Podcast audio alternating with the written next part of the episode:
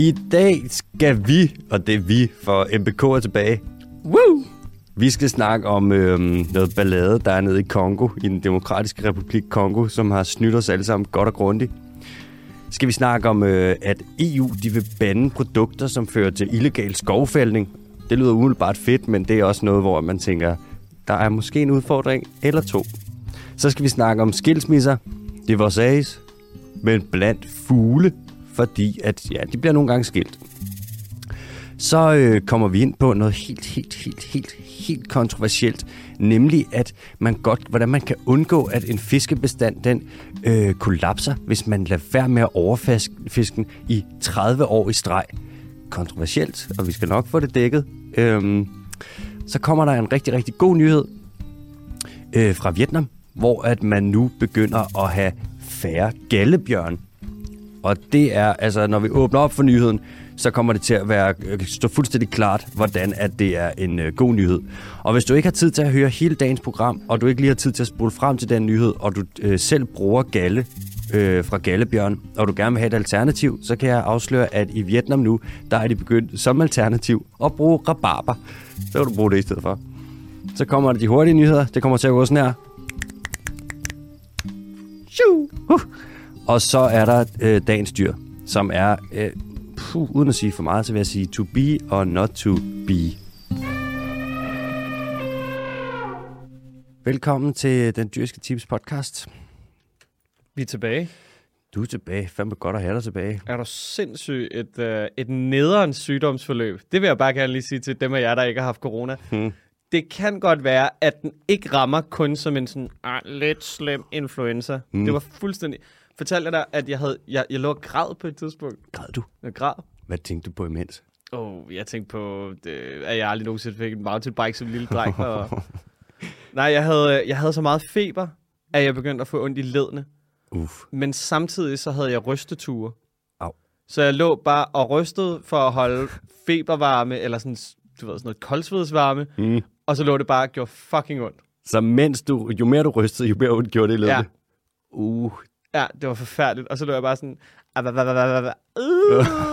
lå der græd. Ej, det var forfærdeligt. Altså, jeg vil sige, jeg snakkede telefon med dig, da det, da det peakede, Ja. og jeg vil næsten ikke engang klassificere det som en telefonsamtale. Det var mere eller mindre sådan her. Hej. det gør ondt at ryste, og alt det gør ondt. Ej, men det var, det var forfærdeligt, hvad det hedder. Så jeg, jeg kan lige, du ved, komme med en opfordring på alle andres vegne, der ikke har haft corona endnu. Til dem af jer, som synes, at det er lidt irriterende at få vaccinen, fordi det er ubelejligt, og man skal lige bestille en tid. Men man vil i Ej. virkeligheden gerne have den. Mm. Se nu at få det gjort. Til dem af jer, der alligevel bor alene, arbejder hjemmefra, og du ved ikke rigtig kan se grunden til det, fordi du ved, bare gået i baghaven og henter alle jeres grøntsager, og ikke har set nogen i snart, hvad, to og et halvt år, eller sådan noget, ikke? Mm. Du ved, kør på, kør videre. I, I, det, det, 100. må, I- det må I da gerne. Men, Sololivet. men lad være med at bo i storbyen, og øh, sammen med 1,2 millioner andre mennesker, og så gå rundt og tro, at det er fedt ikke at blive vaccineret. Altså, der er også, øh, vacciner er altså også utrolig øh, udbredte. man har jo brugt vacciner, hvis det ikke var for det, så havde man jo ikke fået udryddet mæslinger, for eksempel. Man har jo vaccineret mod tuberkulose, så du tror, det er løgn. Altså, vi vaccinerer også dyr. Vi vaccinerer koalaer mod klamydia, ikke? Vaccinerer flagermus mod øh, white nose syndrome. Vi vaccinerer hjorte mod tuberkulose. Vi vaccinerer faktisk også grævlinger imod øh, tuberkulose. Altså, det mytologiske dyr, grævlingen. Aha, og det er nemt at vaccinere den, for den findes ikke. Vi vaccinerer øh, præriehund mod pest. Altså, vi vaccinerer til højre og venstre. Ja. Vi prøver så meget at vaccinere og holde sygdom nede. Så helt ærligt, så er det jo meget smart, hvis man så siger ja til også at være med til at holde en sygdom nede. For det er ikke rart at se ens venner være på, lige på grænsen til at være død, ligesom du var forleden. Ej, øh, jeg kan også lige, jeg kan også lige afsløre, at vi, det eneste, vi laver, det er jo ikke at sidde hernede en time om ugen. Så der, altså, er du sindssyg, når man trækker en, en, en hel uge ud af en kalender, hvor mange ting man går glip af. Er du sindssyg? Og når man er en lille smule udadvendt, og nærmest ikke kan sidde stille i fem minutter, så kæft mand. Ej, det var nederen. Jeg lå bare derhjemme og tudede og kiggede på, at alle mine venner hyggede sig. Ja, ligesom du plejer. Hvad toppede du også lige, da du var færdig med at være syg? Så løb du et halvmarathon. Ja, det er rigtigt. Ja, men det var fordi, det var fordi jeg havde ligget, jeg havde ligget længe for stille, jeg havde ligget stille for længe. Og så øh, var jeg ude at løbe. øh, fordi jeg tænkte, at jeg skulle lige prøve at komme lidt i gang igen. Og så tænkte jeg, jeg, tager en ti- jeg, jeg er rimelig god løbeform, så jeg tænkte, jeg tager en 10, og det, det plejer jeg godt at kunne. En 10 kilometer. En 10 km. Mm. Øhm, og, så kom jeg, og så kom jeg til at tænke på, at øh, en af vores gamle kollegaer, han blev faktisk nævnt, ikke i sidste afsnit, men forrige afsnit, hvor det var Berghold. Mm. Shout out. Shoutout, Mm. mm. lille, lille Berghold. Hvordan går det i køkkenet? Hvordan går det inde bag, øh, hvad der hedder, osteklokkerne? Hak, hak, snit. Øhm, han spurgte mig, hvorfor løber du ikke bare et halvmarathon en dag, når du føler, du har energien til det? Og så tænkte jeg, det, det, det gjorde jeg så, efter, efter Rona øh, ligesom havde lagt sig. Og så vågnede jeg op med virkelig ondt i knæene dagen efter. Dine led, de må seriøst have haft den hårdeste uge nogensinde. Læg og blive rystet, feberrystet i stykker, mens ja. ja. det gør det helvedes til. Og så, så snart du kommer ud på den anden side, sådan, fuck de der to knæ, så tager du lige, så løber du lige 21.000 meter. Ja.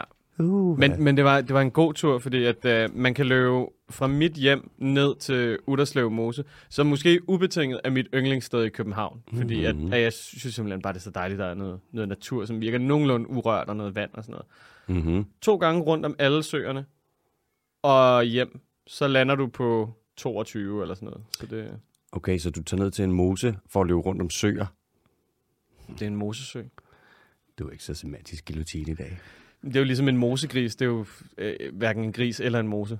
En mosegris er faktisk en slags stusmus. Det er det, jeg siger. Det var overhovedet ikke det, du sagde. Du laver min point. Du, du, altså, du færdiggør min point. Nu går jeg i gang med det her program, før vi bliver Skal vi, øh, skal vi lige sige øh, tak til, til Zetland? Ja, og så skal vi også sige, vi jo, det er jo ved at være sidste chance til at skrive sig op. Vi nærmer os jo øh, afslutningen på samarbejdet, så altså sk- skriv dig op til selv, hvis du selvfølgelig er interesseret i noget pissegod journalistik. Mm. Altså, vi vil sætte pris på, at du gør det, fordi så får vi løn, så kan vi købe julegaver. Og Zetland, de vil sætte pris på det, fordi at, øh, så får de læsere. Og naturen sætter nok også pris på det, for vi giver en del af vores løn til naturen. Og så vil du nok også selv sætte pris på det, fordi du får to måneders øh, kvalitetsjournalistik for en 50'er.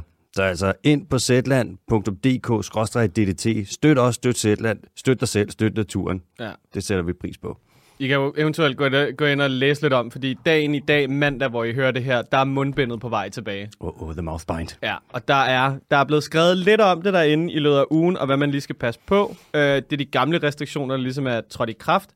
Øh, og det er jo blandt andet fordi, at det går øh, virkelig skidende i Tyskland lige for tiden. Mhm. Øhm, og så er man lidt bange for, at det også kommer til at gøre det i Danmark, fordi de to lande minder sådan relativt meget om hinanden og ligger relativt tæt på hinanden. Mm-hmm, rimelig tæt, Øh, ja. man skulle, man skulle tro, de grænset op til hinanden. Det der, det er kætterisk. Nej, jeg ved det ikke. Jeg ved det heller ikke. Øhm, og hvad det hedder, coronapasset, det skal også vises nogle flere steder. Gå ind på zland.dk, som vi lige har snakket om, og øh, lige catch up på, hvad det er for nogle restriktioner, der gælder. Det kan du blandt andet med, øh, med et abonnement hos Zetland. Ja. Vi skal til Afrika. Vi starter i hjertet af Afrika. I den demokratiske republik Kongo. Det er et gigantisk land. Altså, den demokratiske republik Kongo har naturressourcer som nærmest ingen andre lande. De har hele pakken. Altså, de har diamanter, de har guld, de har kover, de har kobalt, de har rigtig meget træ, de har olie, de har kaffe. Det er basically, så er det et hvert minefirmas våde drøm. Kongo er, eller Demokratisk Republik Kongo er, altså hvis man gør det op i naturressourcer, så er det et af de rigeste lande i verden. Der er så meget. Hvis man til gengæld gør det op i, hvad hver enkelt borger har, øh, eller tjener om året i Kongo, den demokratiske republik Kongo, så er det de fattigste lande i verden. Også fordi, så kom øh, lederen til at lave noget med noget korruption, hvor de kom til at tage nogle milliarder, øh, som folk har betalt i skat, og så kom de til at udbetale til sig selv og deres venner, i stedet for at bruge det på de, de velfærdsydelser, de skulle bruges på. Men det er en anden snak, og det vidste de ikke. Det var et fejl. Det kunne de ikke vide. De kunne ikke vide, at det var det, at det, var det der skete. Ups. Ups, man kan ikke, vi har jo ikke alle sammen. Man har ikke råd til en revisor, hvis man har 5 milliarder kroner. Så det er en helt anden snak. Nu er det, PVC er gået hen og blevet rigtig, rigtig dyre her på det seneste. at PVC er det en revisor. Det er PricewaterhouseCoopers eller sådan noget. Det er sådan en kæmpe revisionsfirma, der bare mm. altså skummer fløden på alle andre, der tjener mange penge. Uh, skal jeg lige tjekke det der regnskab, så koster det faktisk alt, hvad du har tjent i det her regnskab, kan jeg se. Prøv at tænke på at være revisor for et revisionsfirma. Altså, det er virkelig... Du er 100%, Det er slangen, der bider sig selv i... Ja, du kan, der er altid arbejde, og det er altid god løn, og du har sat dig ind i noget, som ingen rigtig bryder sig om, ja. Er regnskaber. Ja. Og så kan du sådan tjene rigtig mange penge på at lave lidt det nederen arbejde. Det er lidt ligesom at være opvasker, bare med en overdrevet god løn. Ja, Fordi det får man godt nok ikke så meget vasker. Mm-mm. Er du sindssyg? Kongo. Altså, Kongo. Kongo. Il Congo. I Kongo, der har der været noget, der hedder et mo- moratorium mod øh, industriel skovhugst de sidste 19 år. Et moratorium, det er et pænt ord for, lad os kalde det en tænkepause. Hvis du laver et moratorium, så, er det ligesom sådan, så, holder man, sætter, så holder man pause med en aktivitet. Og i det her tilfælde, så er det så, at man har fældet regnskovene nede i, øh, i DRC, den Demokratiske Republik Kongo. Nu er det dog sådan, at den tidligere vicepræsident og miljøminister i det land her kom til at sælge øh, 1,4 millioner øh, hektar skov, selvom at han ikke måtte øh, sælge det. Og det er jo en upser. Det er en upser. Oops. Ja. Og i stedet for at sige ups og ret fejlen, så øhm, har Kongo valgt at sige, Nå, men det er sgu da også irriterende, at vi ikke må sælge ud af den her skov. Og man har en ordentlig masse investorer, primært fra Kina, som rigtig gerne vil have fingrene i det her, fordi det er bare penge. Nu er det så sådan, at der også er COP26, eller det har der lige været, den her store klimakonference, hvor der overhovedet ikke er blevet greenwashed, og der er Kongo brandet sig som det, man kalder et løsningsland, et solution country. Og de er kommet ind, og så øh, har de sagt, at vi har alt det her fine skov, og vi passer på det, og det er, der ligger så meget carbon lagret der, at det er sygt godt for klimaet, hvis vi ikke fælder det. Så kommer landet til COP15, eller COP26, og så siger de, fuck hvor fedt mand. Ved I hvad? Vi giver jer 500 millioner dollars, hvis I ikke fælder, fælder det. Og så er der bare det, at mens at Kongo, eller DRC, den demokratiske republik Kongo, er over at få de her 500 millioner dollars, som så skal udbetales over fem år, så er de faktisk i gang med hjemme i Kongo at løfte det her moratorium i smug og vil fælde cirka 700.000 kvadratkilometer skov. Så de dukker op, siger, vi er et løsningsland, vi passer på vores skov, og med den anden hånd, der siger de, nej ikke alligevel, vi vil faktisk, være fælde, vi vil faktisk fælde hele lortet. Hvem havde set den komme? Ups. Altså, det her område, de vil fælde, skovområdet, det er Danmarks areal gang 16. Hvis de fælder det, så frigiver det fire gange så meget CO2, som hele verden til sammen udleder øhm, på et år. Nej, det udleder fire gange så meget. Fuck, det udleder lige så meget, som vi udleder på fire år. Okay. Wow. Altså verden, eller øh, Danmark? Hele verden. Hele verden. Fire år. Okay. Hvad udleder vi? Vi udleder cirka det, som de vil udlede, hvis de fælder deres skov. Wow, okay. Så det er jo fire gange så meget som på et år. Er vi? Ja. Tak. Tak. I alt. Nu, øh, nu skal vi ikke snakke mere om matematik her. Jeg går med, jeg får lidt kvalmt. Nu er det sådan, at øh, Greenpeace, de er, det er dem, der har gravet rigtig meget og har fundet ud af det her. De har en øh, delegation, som er nede og selvfølgelig holder øje med Kongo. Og der skal man ikke undervurdere, at Greenpeace de er super dygtige til det her, fordi de er kompromilløse. Nu går de efter miljøministeren og siger, hvad fuck er det, I laver? I kommer til COP26, og så scorer I altså 500 millioner dollars. Det er 3,3 milliarder kroner på noget, som I slet ikke vil gøre. Og så siger miljøministeren svarer, og det her det er ikke for sjov. Miljøministeren siger, at den her misforståelse, og det her med, at de lidt gør noget, og så, eller siger, at de vil gøre noget og gøre noget andet, den her misforståelse, det skyldes, at de har haft nogle printerproblemer. Så der er nogle papirer, de ikke har kunne få underskrevet. Så altså, det er en printer, der har drillet. Det er, Kongos, det er den demokratiske republiks øh, Kongos printer. Den har drillet, og helt tilfældigvis så driller den lige på det tidspunkt, hvor at drilleriet fører til, at de vinder 3,3 milliarder kroner på noget, de slet ikke vil gøre. Altså, jeg kan lige så godt sige, at fremover i mit liv, alting, der kommer til, alt skal ud, jeg får, det er, fordi jeg har printerproblemer. Men helt seriøst, ikke? Mm. Nu, nu, nu bliver vi næsten lige nødt til at komme, øh, hvad det hedder, den kongolesiske regering sådan lidt i møde. Mm. Hvornår har du oplevet, at en printer bare fungerede? Fair. Altså, Fair. hvornår, hvornår er der nogensinde nogen, der har sagt til dig, øh, hvis du trykker øh, Command P, og så trykker på en hvilken som helst given printer, mm. så connecter den med det samme, og så printer den det ud, du gerne vil have. Det er rigtigt, det sker aldrig. Det, er- det er aldrig sket. Så- Den, altså, jeg er... Og nu kommer det til at køre hen i noget, mm. som er noget helt andet end Nu den dyreste det. time. Nu kommer traumet. Jeg har aldrig nogensinde været på en arbejdsplads, hvor der ikke har været en IT-mand ansat, eller kvinde for den sags skyld, mm. som har brugt altså sådan noget, mindre end 80% af deres tid på printerrelaterede problemer. Det er rigtigt. Jeg, jeg, for, jeg, forstår det, jeg forstår det simpelthen. Der må være en helt... ind- Altså, HP Pavilion, eller hvad fuck det, det lorteselskab hedder, ikke? De holder seriøst hånden under... Jeg ved ikke, hvor mange IT-eksperter, på grund af deres lortede printersystemer. Dude, det er jo nærmest Illuminati. Det er jo bare Illumiprinty. Altså, Det de er har helt vildt. der er så mange, der vil miste deres arbejde, hvis printerne de virkede. Det er helt vildt. Det vil aldrig nogensinde fungere. Hvordan kan det også være, hvis jeg skal printe noget i sort-hvid, at jeg skal skifte en blå farvetone? Jeg forstår det ikke. Og hvorfor koster en printerpatron 600 milliarder kroner? Ah, men det er... Den koster mere end printeren. Ja. Det er billigere at købe en ny lorteprinter, end det er at købe en ny lortepatron. Fuck, mand. Da jeg spillede Magic Cards en del for nogle år siden, så Ja. printede vi uh, Magic Cardsene. Men mindre det er ulovligt, så gjorde vi overhovedet ikke. Så. Ej. printede vi dem. Og hvis det er ulovligt, at vi gjorde det, og det, man ikke måtte, så er det fordi, vi havde printerproblemer, at det skete.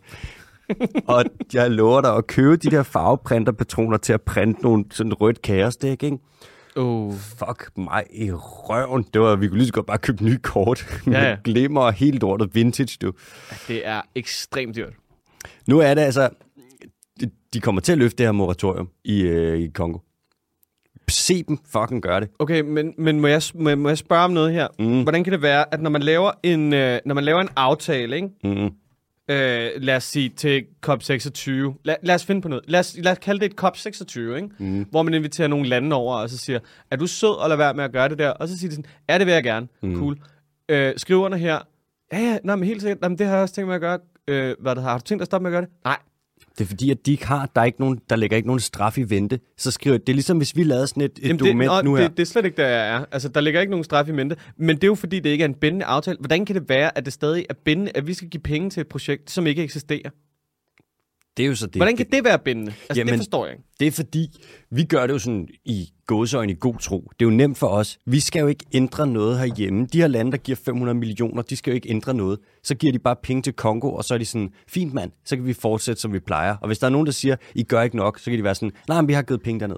Det er jo fuldstændig ligesom øh, det, du ser med Arla nu, mm. hvor Arla bliver taget i den der, har lavet kæmpe øh, greenwashing. Altså Arla kalder deres øh, mælk CO2-neutral, selvom at man udleder rigtig meget CO2, når man laver mælk. Ja. Så er de investeret i skov i de områder i hele verden, hvor der er allerstørst chance for skovfældning. Og ups, så altså, nu finder man ud af, at vi, man har kigget på satellitfotos og fundet ud af, de skove, de har investeret i, de er brændt, og de er fældet, og de Men- findes ikke mere. Hvor det er sådan, og så siger alle, jamen vi holder ved kampagnen, fordi at, øh, vi har jo gjort, hvad vi kunne. Vi har jo prøvet at kompensere. Det er det, man laver sådan noget. Så prøver man at kompensere, så er det bare sådan noget, mm, vi, vi gør, hvad vi kan. Det svarer lidt til, at vi var sådan, ja, vi skulle lave et eller andet helt fucked. Vi skulle flyve i pendulfart privatfly til og fra Thailand. Og så er vi sådan, jamen det er fint, vi har købt træer i Tanzania. Så det vi gør, det er slet ikke klimaskadeligt. Men er det ikke også det, der er, det ikke også det, der er lidt af problemet? Fordi først så var det, så var det CO2-neutralt, ikke? Jo. Og så det, de mente, det var så, at efterfølgende har det stået med små bogstaver eller sådan noget, at det var klima, CO2, kvote, indkøbs, reduktions, neutralt, eller et eller andet. Du Ja. ved, verdens længste sætning, Ja. hvor man er sådan,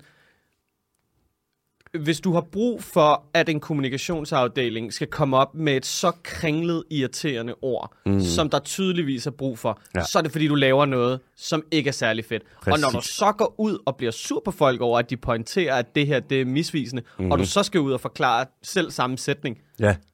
Så er du altså sådan for alvor fucked. Fordi hvis folk kan være i tvivl, så har du tydeligvis ikke været du ved, dygtig nok i din kommunikation. Nej. Så hvorfor skulle den til, altså sådan, til at starte med? Det er også det. Man redder ikke øh, klimaet i en kommunikationsafdeling. Nej, nej, nej. nej. Men det er jo det, de prøver. Ja, Ja. Og nu der er det sådan noget, Nå, vi lægger 95 procent af vores energi herhjemme, og så, så, så hvorfor har I så ikke reduceret? Altså, den CO2-udledningen fra køer har været stigende.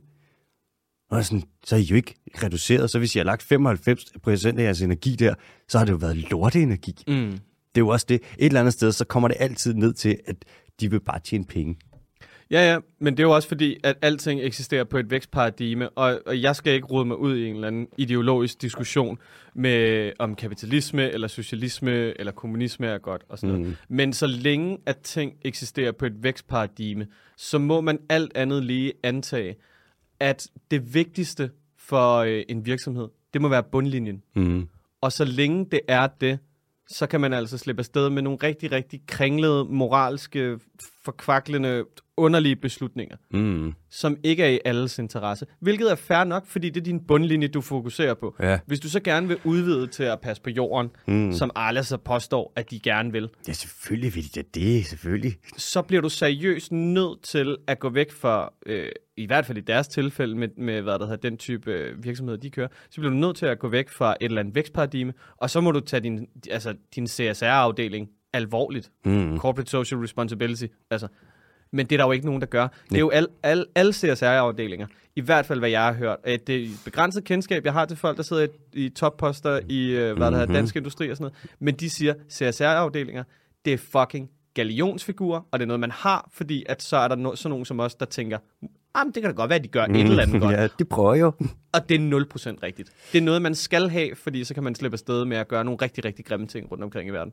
Jeg vil sige, for at opsummere den her nyhed, ikke? Og for at opsummere det her klimahejs og det her kompensationsting og alt det her. Hvis man har råd til at lave greenwashing, ikke? hvis du har råd til at stable en kæmpe greenwashing-kampagne på benene, og det er fucking dyrt, mand. Ja. Hvis du har råd til det, så har du også råd til grøn omstilling. Det er lige før, jeg vil sige, de dele af landbruget, som står der og står, vi skal have flere støttepenge, ellers kan vi ikke lave grøn omstilling. Kan man være sådan, alle de penge, de har brugt på greenwashing, dem, det kommer vi til at trække nu fra støtten. Ja. Det burde man jo gøre. Ja, ja. Det siger også lidt, ikke? hvis man hellere vil lave greenwashing, end man faktisk vil lave grønne produkter. Hold kæft, mand. Tavlig, tavlig. Nå, det er jo en upser. Vi hopper videre til øh, EU, hvor at man nu vil bande produkter, som fører til illegal skovfældning. Det er sådan, at mange af de produkter, vi benytter os af, de bliver lavet på regnskovens bekostning. For eksempel palmeolie, oksekød og tømmer og kakao og kaffe, læder og møbler osv. Og det vil man gøre noget ved nu. Og derfor så har EU sat sig for at lave, EU sat sig for at lave nogle regler. EU. EU. Bæver. De har sat sig for at lave nogle regler. Og de her regler, de skal forbyde importen af produkter, som er lavet på bekostning af regnskoven. Hold kæft, Mathias, jeg laver en nyhedsoplæsning. Jeg er bare så glad for at være tilbage. Ja, det er fandme også godt at have dig tilbage. Skal jeg ikke bare sidde og snakke til et gardin? Så har vi det her. Altså, det særlige, der er ved det her EU-forslag, det er, at de sætter ikke bare fokus på produkter, der er lavet ved, hvor man har fældet regnskoven ulovligt, men også produkter, hvor man fælder regnskoven lovligt, når man laver dem. Og det er nyt. Før har man været sådan, vi vil ikke importere noget, der er lavet ulovligt. Og man er sådan, jamen, selvfølgelig vil I sgu da ikke det. Det må I jo heller ikke. Det er jo et ulovligt produkt. Det er det fladeste, du overhovedet kan gøre. Nu siger de så, hvis man fælder regnskoven, vil vi ikke have det. Og der er nogle problemer med det her. For det første, et problem er, at de kun fokuserer på regnskov. Hvor at der er jo også en masse andre områder, som ligesom bliver ødelagt, når man skal lave nogle af de her produkter. For eksempel så er der en masse savanne, og der er vådområder, som er nogle truede habitater, som bliver ødelagt. Der er Cerradoen i Brasilien, det her savanneområde, der ligger op øhm, lidt til højre i Brasilien, som man er ved at lave om til en søjermark nu. Det er jo ikke inkluderet, hvis man kigger på regnskov. Øh, de bør måske blive inkluderet.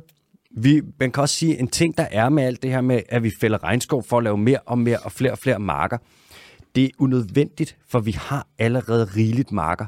Vi har hjernedødt mange. Vi har millioner af kvadratkilometer med marker.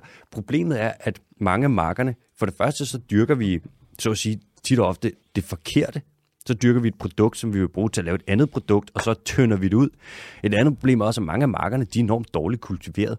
Der er mange marker, hvor man har udslidt jorden, fordi man har straffet den for hårdt, og så står den bare og falder hen, så der er ikke mere næring i, fordi man simpelthen så at sige har dyrket forkert landbrug. Hvis vi tog og gik smart til det, så ville vi sagtens kunne have færre marker, end vi har nu, og lave mere mad.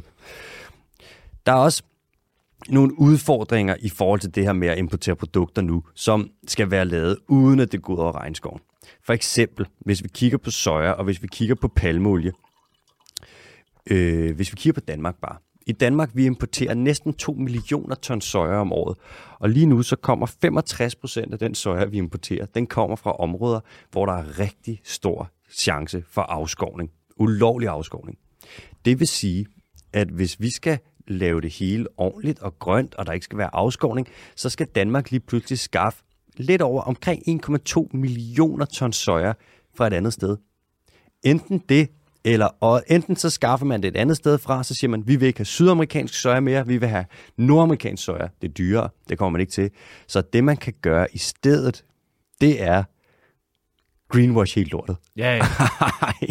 Vil man det ikke? Selvfølgelig vil, jo, selvfølgelig vil man det. Det er, vi er fedt, jo, at man altid har den løsning lige i baghånden, hva'? Vi er jo seriøst verdensmestre i greenwashing. Nu skal man huske, Landbrugsministeriet er kæmpe, har en kæmpe, et kæmpe sag der. Det danske Landbrugsministerium, det er nærmest det samme som Landbrug og Fødevare.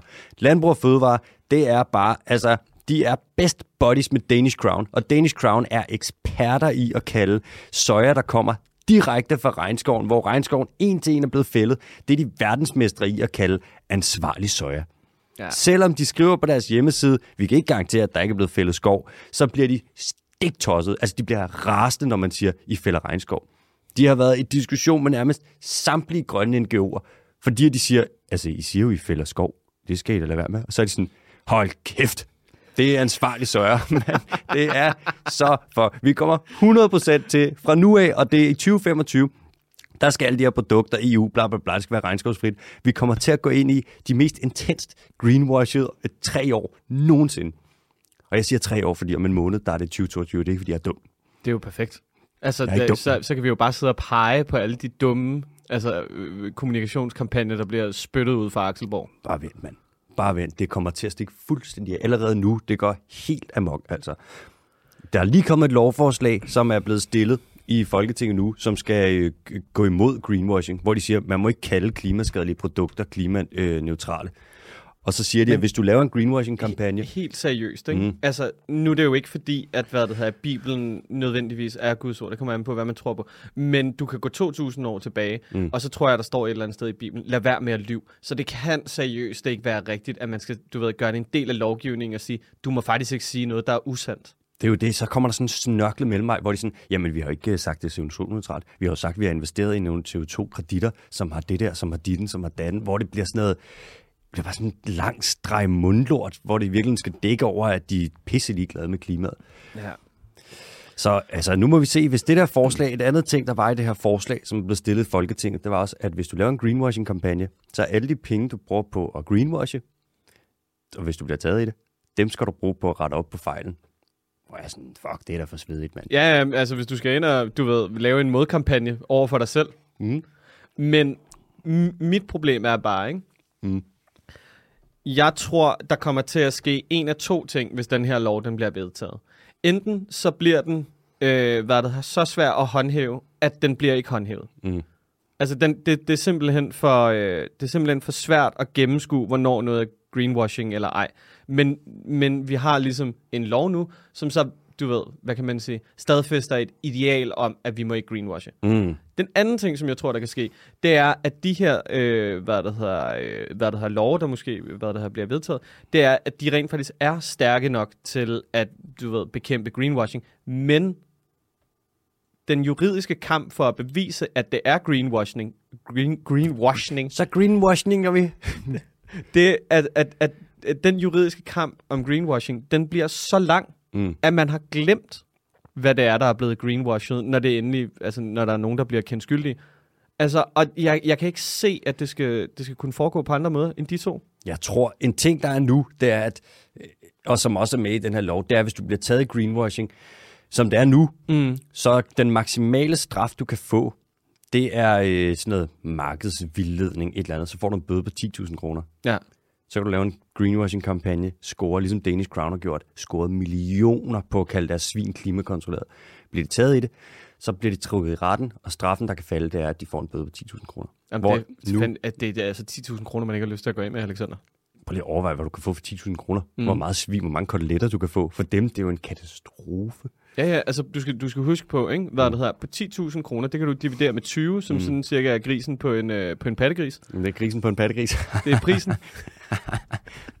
du er dum. øhm, ja, det er lidt forfærdeligt. 10.000 kroner, mand, det er jo ingenting. Altså, Vi hvis, må, ja. i, i, I folks privatøkonomi vil det måske batte en smule, men altså... Men de får altså, det er jo, de mangler ikke penge. De får jo kraftet med støtte i hovedet og røv, mand. Ja.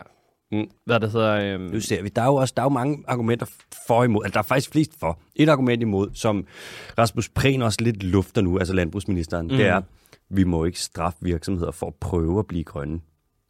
Det, nej, det skal holde op med det der. Det er et Danish Crown-argument, der kom. Det er også Tænketak Frej, det der lille det apparat der, som Venstre har født, som de, det er sådan noget, nej, nej, nej, man må ikke straffe nogen for at prøve at gøre noget godt. Og sådan, er du gal, hvis man ikke må straffe nogen for at prøve at gøre noget. Alle krige er jo startet, fordi folk havde gode intentioner. Øh. Du kan jo ikke, det kan man ikke. Hvad, Hvis- hvad, er det, hvad er det? Siger man ikke, at vejen til helvede er brolagt med gode intentioner?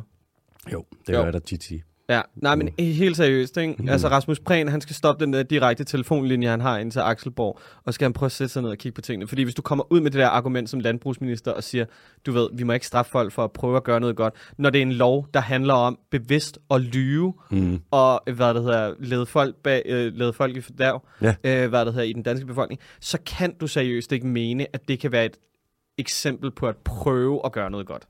Vi må se, om han kan. Jeg tror umiddelbart, det virker til nu, at han er så tæt sammen med øh, hele lobbyiste foretagendet inde på Akselborg, at det er svært at rive ham fra det. det han, laver ikke, han laver nærmest ikke arrangementer eller ud til noget, uden at de er med. Og han priser dem til højre og venstre, selvom at det jo bare er, altså, fuck, de har lavet så meget svineri inde på Akselborg. Jeg så forleden, at de havde en miljødirektør, og jeg begyndte at grine. På de har Axelborg? En, ja, de har en klimadirektør Landbrug og Fødevare Ja. har en klimadirektør. ja, og en miljødirektør. Wow, hvor tror, altså, det er fandme ikke et hårdt job. Du klokker bare ind, og så kan du bare gå med det samme igen, men du får stadig for 8 timer. Præcis, præcis. Det er så lol.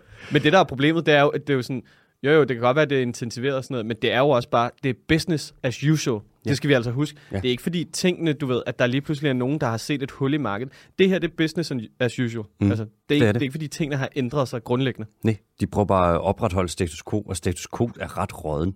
Ja, ja, altså så længe du bliver ved med at øh, hvad der er kilde Rasmus Prehn alle de samme steder, så kan du åbenbart blive ved med at gøre det samme, Mm. Som man siger. som man siger. Vi skal til noget andet. Nu bryder vi med det her emne. Vi går så at sige fra det. Vi skilsmisser det, og så hopper vi over til skilsmisse hos Fævle.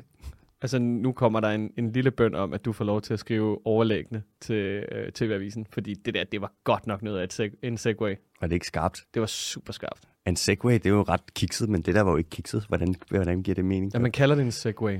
Mm. Du ved, når man laver et godt overlæg, sådan, når man siger, du ved, Nå, men øh, hvad det hedder, for regn og blæst i Nordjylland over Ja. til de våde varer. og så kommer og der så er der anden fodbold. Nå, altså det er sådan, at øh, hos mange fugle, hos mange fuglearter, så bliver de sammen i lang tid. Mange fugle, de er monogame. En partner, det er nogle gange, så er de sammen hele livet. For eksempel så øh, albatrosser, de er kærester i årvis. De kan være kærester i flere årtier. Og særligt blandt mange fugle, som lever til havs, så er monogami udbredt. Og det skyldes måske lidt sådan, at de lever nogle harske steder. Altså det er blæsende, og det er koldt, og det er utaknemmeligt, og det er råt, og det kræver meget energi at øh, leve der. Og så er det jo meget smart, hvis man kan spare lidt energi på datingfronten. Så skal de ikke være på fugletinder og sidde og fugleswipe til højre og venstre og finde den helt rigtige mave. De skal ikke have sådan nogle fugle one night stands og sådan nogle akavede morgenmadspisninger og morgenkaffer med nogen, som de ikke rigtig gider være sammen med nu, hvor de er blevet ædru.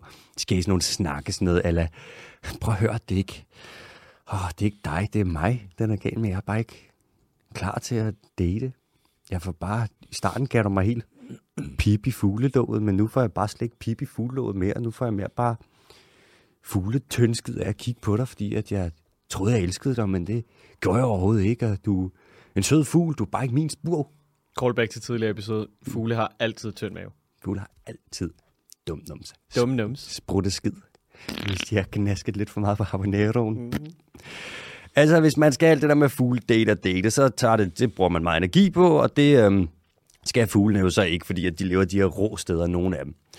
De skal tage deres energi, og så skal den konserveres, altså den skal rationeres, den skal bruges på den smarteste måde. Og så er det nu engang smart at have en fast kæreste. Men der er også fugle, der bliver skilt, som slår op. Og det har man undersøgt nu hos, på Norges Polarinstitut og ved Norges Arktiske Universitet. De har taget og stillet spørgsmålet, hvorfor bliver øh, fuglene skilt? Man har undersøgt fem forskellige øh, fuglearter. Og øh, hos fire af de her arter, man har undersøgt, de her fire, det var nogle, noget, der hedder en guillemotte, og en gråmåge, en petrel og en skua. Altså havfugl har tit nogle spøjse navn. Hos de her fire arter, der var det meget sjældent, at de blev skilt. Men hos den sidste, en fugl, der hedder en kittiwake, der blev 19 procent af parne skilt.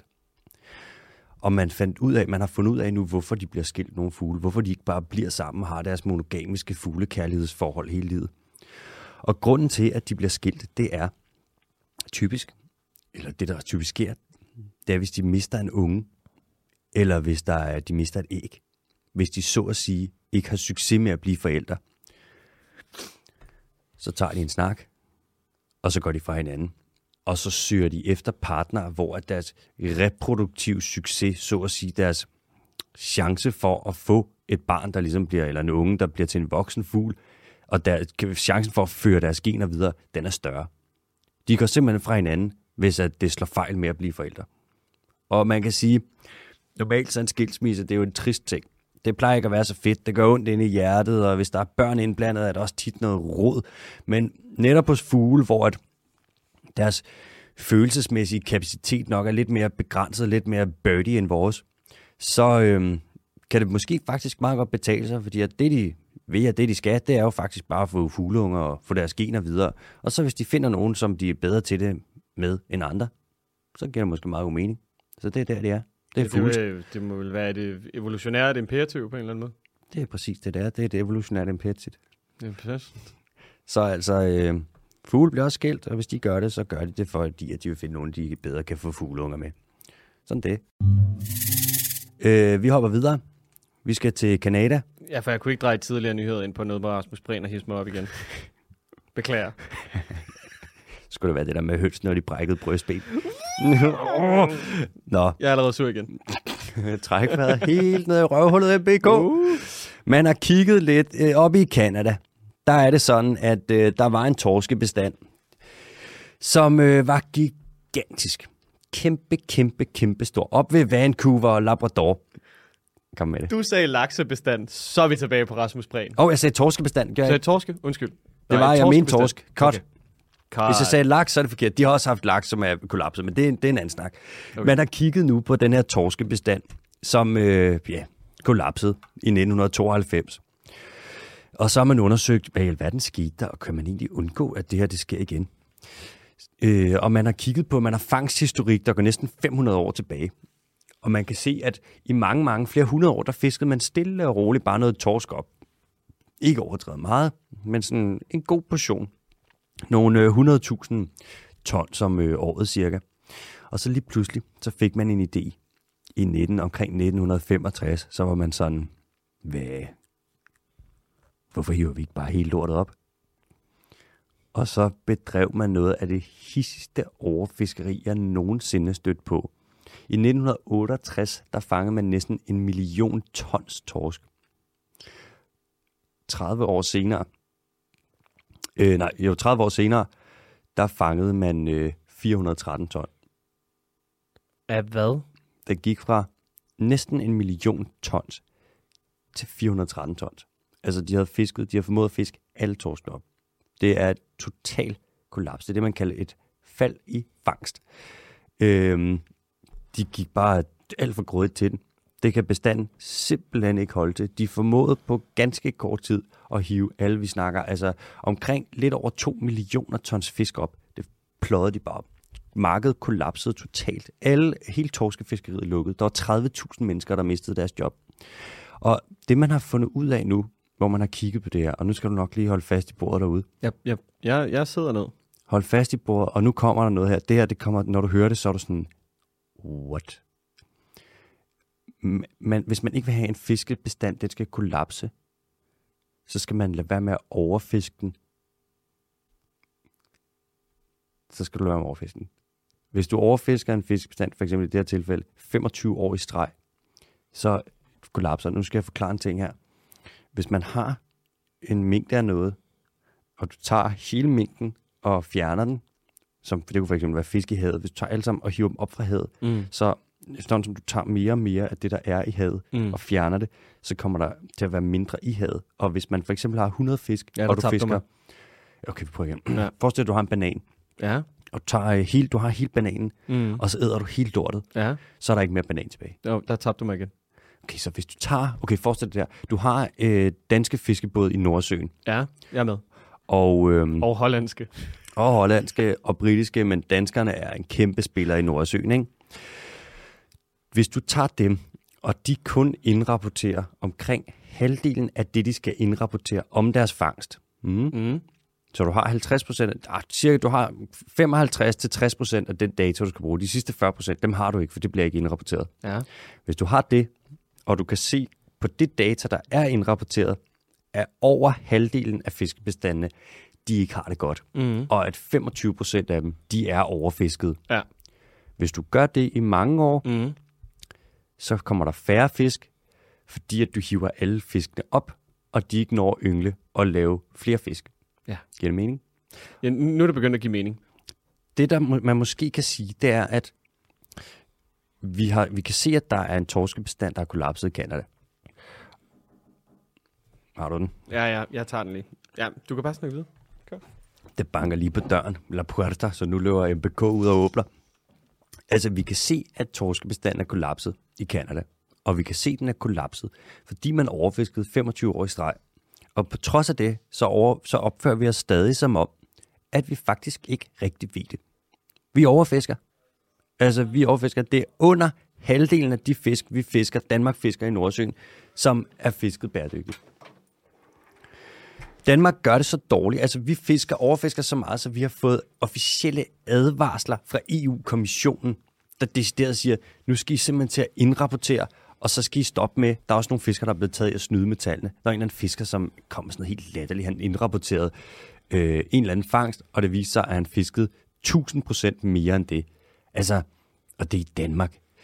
Hvad, vi kan også sige, hvad gør Rasmus Prehn ved det? Fiskeriministeren? Jamen, han forstår det. Det er jo ligesom mig for, øh, for, for to minutter siden. Mm. Det, er jo, det er jo så svært at forstå. Det er rigtigt nok, ja. Men det er også det der med sådan, hvis jeg snakker om bananer, og så i virkeligheden mener fisk, så er det jo bare automatisk sygt øh, indviklet, fordi det er jo Ja. ja. frugt og et dyr. Man kan sige, det er også svært at forstå, hvis du når at forlade lokalet, før de her tal kommer på bordet. Ja. Nå, det er selvfølgelig rigtigt, ja. Ja. At du for eksempel skal til et møde med erhvervsfiskerne, Ja. Eller, eller, du, eller du er på vej ud og kigge på en flot tun. Ja. En meget flot tun. som du lige hiver op sammen med øh, prins Frederik. Ja, fordi vi skal kigge på dem. Ja. Vi, vi skal jo kunne se dem. Men altså, hvis du ikke øh, dræber dem og spiser dem, hvordan skal du så kunne kigge på dem? Jamen, det ved jeg da heller ikke. Og hvordan skulle du kunne veje en fisk uden at dræbe den? Jamen altså, Smide den op på en vægt, eller hvad? jeg kan kun se torsk, når det ligger nede i kølemontren. Ja, ved siden af en røget ål. Det er den eneste funktion, den har. Mm-hmm. Jeg skal ligge der. Den skal ligge der. Ja, jeg forstår, jeg, jeg, jeg, jeg, synes, det, jeg synes, det giver rigtig, rigtig god mening. Og når man tænker på, hvor mange problemer, der har været med, med fiskerierhvervet, ikke? Du Mm. ved, altså sådan, først og fremmest, du ved, kvotekonger og indrapporteringer og pis og lort, ikke? Og, vi. og mangel på samme. Ja, og når du så samtidig også begynder at kigge sådan rent geopolitisk på det, du ved, sådan lidt på tværs af Hvem er landene. Geo? Og du ved, altså, du ved, bare, du ved, finder den ene hollandske ulovlige bumtråler efter den anden. Ja. der bare, altså, ødelægger vores danske farvande, eller hvad det hedder, i hvert fald farvandene rundt om Danmark. Mm. Altså, det, det, kan, det kan simpelthen ikke blive ved. Og nu kan vi jo bare kigge til Canada, og så bare konstatere, okay, hvis man gør det her for lang tid, så mm. kollapser det. Vi så, kan bare kigge ud i Østersøen, ikke? over ved Bornholm. Der er torskebestanden er lige kollapset. Så har de, man jo... de havde heller ikke brug for den der. De er mere til sild. Det er råd sild. Det er Ja, rigtigt, der ja. skal være mere plads til sild. Det er rigtigt. Nu er den kollapset, og så er, man sådan, så er alle sure, fordi de er sådan, ej, så kan vi ikke fiske mere. Mm. Sådan, man kan ikke bare på magisk vis sige, nu er der så mange fisk, I gerne vil have. Mm. Og hvis du fisker en fiskebestand i bund, så er den lidt fisket i bund. Og igen, vi har, vi har snakket om det før, og det kan godt være, at man har misset det. Jo ældre at de fleste pattedyr bliver, jo færre unger producerer de, ikke? Øh, Og jo, jo- jo, jo, pattedyr, jo. Ja. Jo større og ældre fisk bliver, Jo flere æg jo lægger de. flere æg lægger de. Typisk sådan er det for så mange arter. Ja. Så fisker man alle de største op, og så har du kun de små tilbage på færre unger. Ja. Det er sådan en dårlig feedback loop. Ja. Og jo længere tid man gør det, jo mere man overfisker, jo længere, vil- større vil den pause, man skal give, den break, det moratorium, du sådan sige, skal have på fiskeriet, jo større skal den være. Så hvis man bare tonede ned nu og sagde, nu tager vi lige og fisker lidt mindre, så vil problemet ligesom løse sig selv. Så lav nogle fredede zoner, hvor du sagde, her må I ikke fiske Mm. overhovedet. Så er det stået, nej, nej, det er jo bare trål. Det må I ikke. Men det er jo ikke bumtrål. I må stadig ikke. I må stadig ikke. Den havbund der, den skal være meget, lad den være i fred. Stop, stop. Nå, vi skal til øh, vi skal have en god nyhed. Vi skal til Vietnam, hvor at øh, der kommer færre og færre gallebjørn. Og så tænker du måske, gallebjørn, hvad i alverden er det for en? Den havde vi da ikke med, da vi havde bjørnespecial. hvor vi snakkede om de fem arter af bjørn, der er. Øhm, gallebjørn, de har fået det her navn, fordi man tapper galle fra dem. Og galle, det er sådan en særlig øh, væske, du har i galleblæren, som sidder inde ved leveren. Det er sådan en lille grøn blære. Jeg ved faktisk ikke, om den er grøn hos mennesker, men hos dyr, de fleste dyr, der er den. Så er der sådan en særlig væske, som øh, man bruger til at nedbryde fedt. Og nu er det sådan, at man øh, i store dele af Asien, så har du kravbjørn og solbjørn. Solbjørn er den mindste af alle bjørn. Malajbjørn kalder man også. Meget lang tunge. Kravbjørnen det er den, man også kalder den øh, asiatiske sortbjørn, som har den der krav rundt, hvor at den ligesom har langt hår rundt om halsen, fordi så er det svært for den at blive nakket af tiger og løver og leoparder, og hvem den ellers slås mod. Hvem den slås mod en... Øh, Hvem end den kan finde jo. Ja, den tager den op. Hvem den slås mod en læbebjørn. Sådan fucked. Sidste dyr, du har lyst til at møde i naturen, det er læbebjørn. Hvorfor det? Den er så aggressiv.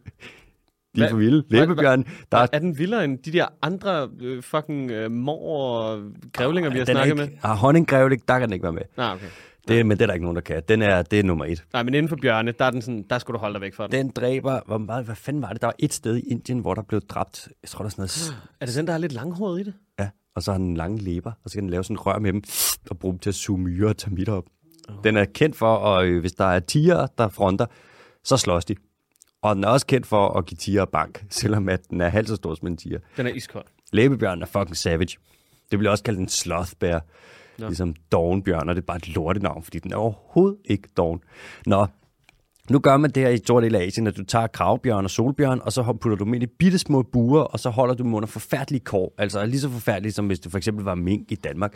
Og så stikker du nål ind i dem, lige ind i gallen på dem, i galleblæren på dem, og så tapper du det her galle.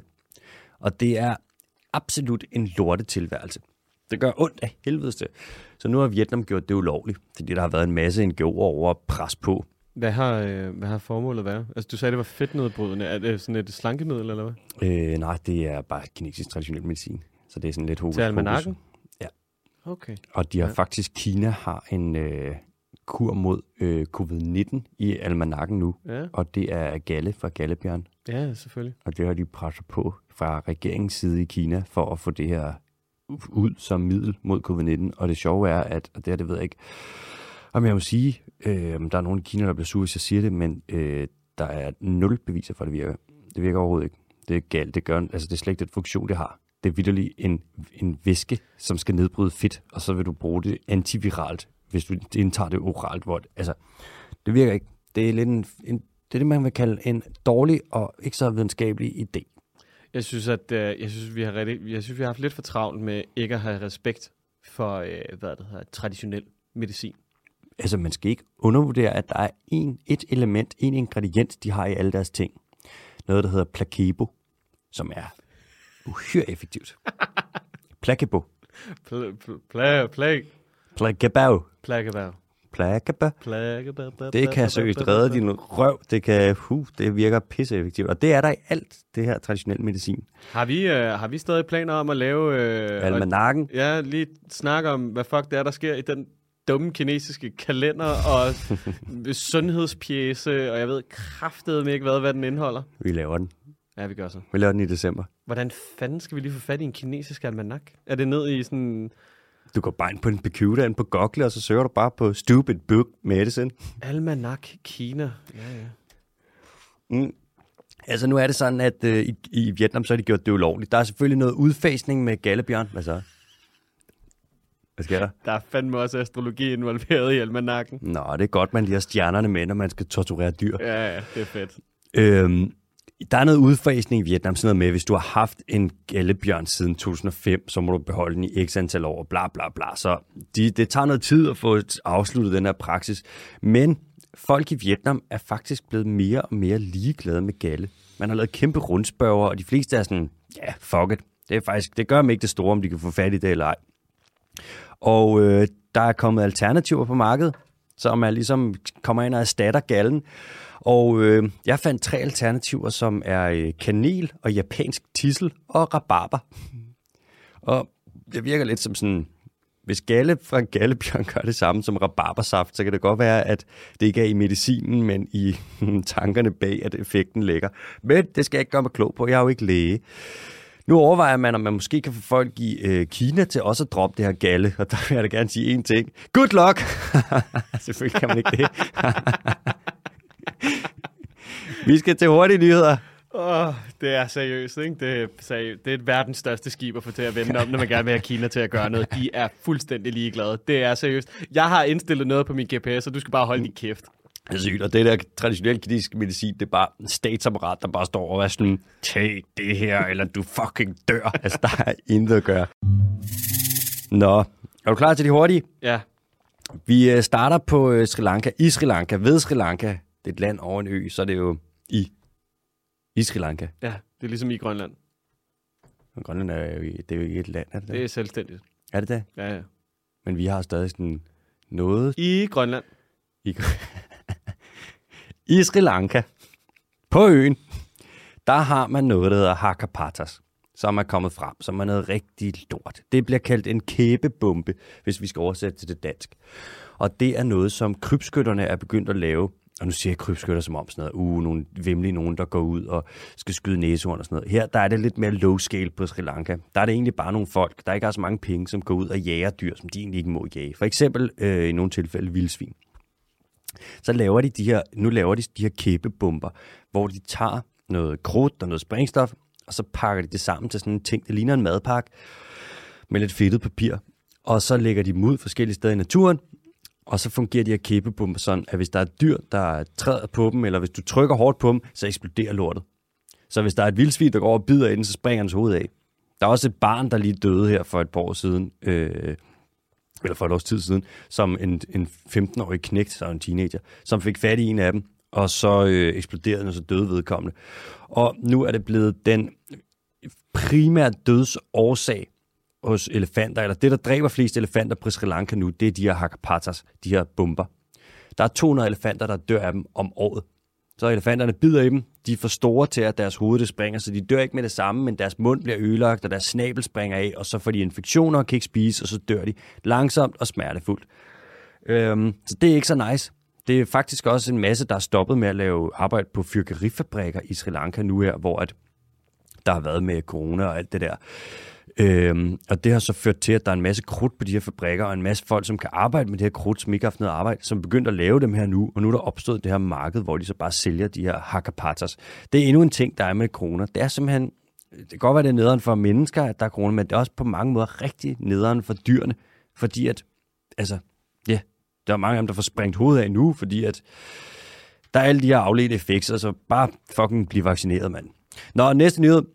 Den østlige stribede punggrævling er så at sige kommet lidt tilbage, ikke fra de døde, men fra de næsten døde. En punggrævling på engelsk hedder en bandicoot. Crash Bandicoot er en punggrævling. Ved du, hvordan en punggrævling ser ud? Øh, nej, det gør du højst sandsynligt ikke, fordi at de lever, det er et pungdyr, ikke? Den lever nede i, hvad vil du sige?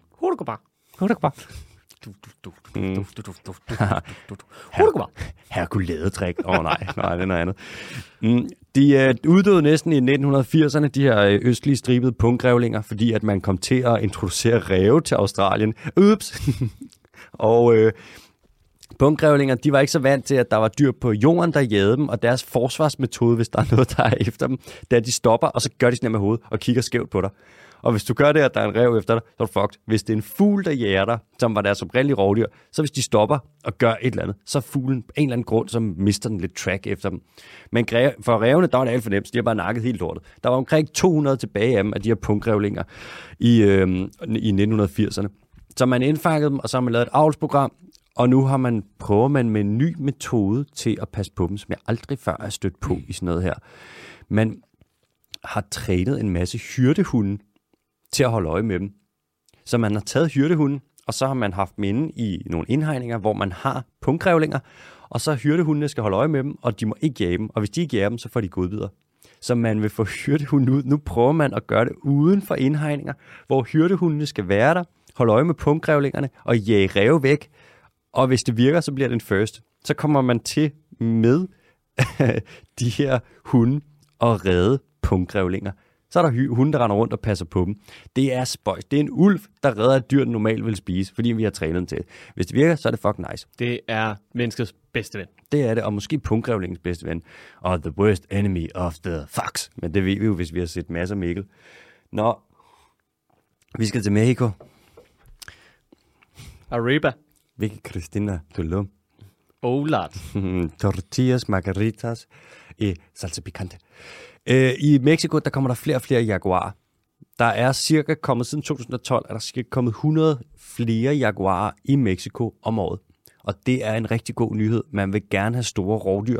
Hvis der er et stort rovdyr, så betyder det, at der er et habitat, som er stort nok til, at den kan leve der, og der er føde nok til den. Det er så at sige en indikatorart, der indikerer, at området ligesom har en vis Ja, den har noget, det har noget naturtilbud. Det kan ligesom facilitere, at der er det her dyr. Og jaguar, det er ikke ligesom leoparder for eksempel, hvor at leoparder kan godt leve i et lidt urbant miljø. Jaguar er meget mere sky, og sådan, de skal have noget lidt secluded nature. Så det er nice. Shout out til Mexico, flot lavet. Næste nyhed.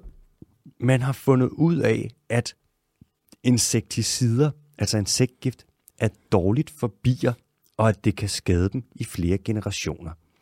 I Kalifornien, der har man nu forsket i det. Man har haft nogle, en biart, som du har givet noget, hvor du har taget laverne, og så har du givet laverne noget pollen, som har haft noget gift i sig. Og det viser sig så, at når laverne de bliver voksne, så får de mindre afkom, altså et, de lægger et færre antal æg, så de så at sige, det går i generationer, det her gift. Og der kan jeg ikke lade være med at tænke, hvem i alverden skulle have vidst, at det her gift, det var giftigt. Ups, den var svær, den der. Vi skal til en dårlig nyhed med koraller. Korallers. En, dår, en dårligere nyhed. Ja, den her den er faktisk ret, ret stram. Som om, at korallerne ikke havde det dårlige i forvejen. Der har jo været bleaching, fordi at så bliver havene varmere, fordi at vi er kommet til at lave global opvarmning. Og så bliver det syrligt eller basisk, eller hvad fanden det nu ikke må blive. Ja, så bliver der forsuring, og det er ikke så nice, når man har en masse kalk i skelettet. Så laver de, så står alle korallerne og spytter alle de alger ud, som de er i symbiose med, og så kan de lige pludselig ikke få næring ind, og så dør de og bliver helt hvide. Nu er der kommet en ny sygdom, som rammer korallerne. Den hedder stenkoralvævstødssygdom. Meget, meget, meget, meget dårligt navn. Det er også bare mig, der oversætter det fra engelsk. Det kan godt være, at det ikke er det, man vil kalde det på dansk. Men det er det nu. Den her sygdom, man er ikke helt sikker på endnu, om det er en bakterie eller en virus. Først troede man, det var en bakterie, nu tror man mere, det er en virus, og jeg ved ikke, hvorfor man ikke lige kan finde ud af det. Der er åbenbart noget der. Den gør det, at den rammer dem, og så laver den nogle korallerne, til at lave nogle hvide pletter, som ligesom bare vokser og vokser og vokser, og så dør korallerne alle de steder, hvor den spreder sig ud. Og det er nu den største driver, det er det, der forårsager allermest koraldød i øh, Karibien nu. Det er det her. Specielt over ved Florida, som er altså kulturelt et fucking mekka. Når jeg siger Florida, så luk øjnene, og så forestiller du dig sikkert det skæve tårn i Pisa og Rom, og du forestiller pizza og pasta og Piemonte og Barbera. og Barolo, og jeg skal komme efter dig. Du tænker sikkert, åh, oh, Florence, uh, uh, det 16. kapel. Alle de her ting, så tænker du, og der kan jeg, må jeg alligevel, sorry, chokere dig at sige, du tænker på Italien. Og det forstår jeg godt, fordi Florida og Italien minder så meget om hinanden. Det er basically det samme, og det har jeg ikke fået nogen penge for at sige fra Floridas turistbureau overhovedet. Anyways, over i Florida, der dør korallerne også der, der. Det er noget lort, fordi at de havde det hårdt nok i forvejen. Vi skal til dagens dyr. Animal of the day. Animal, el animal del dia. Det er honningbien. Apis mellifera hedder den på latin. Og nu er det sådan, at øh, den honningbi, som vi har i Danmark, på bistaderne og alting, det er et invasivt øh, landbrugsdyr. Den hører faktisk ikke til i Danmark.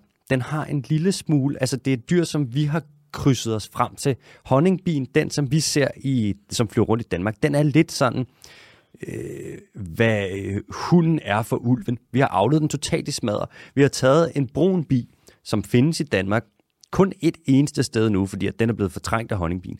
Den brune bi har vi krydset med en masse udenlandske arter. Nogle arter fra det nordlige Afrika og fra omkring Middelhavet. Og så har vi krydset de her arter for at optimere honningproduktionen og for at give bien et roligt temperament, så vi ikke har killerbase.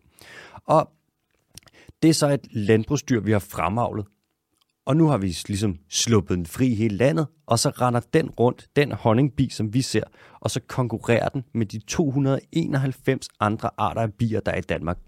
Og vi hjælper jo honningbien. Vi sætter jo bistader ud, og det ene og det andet, og gør, at honningbien er unaturligt talrig. Der er honningbier overalt.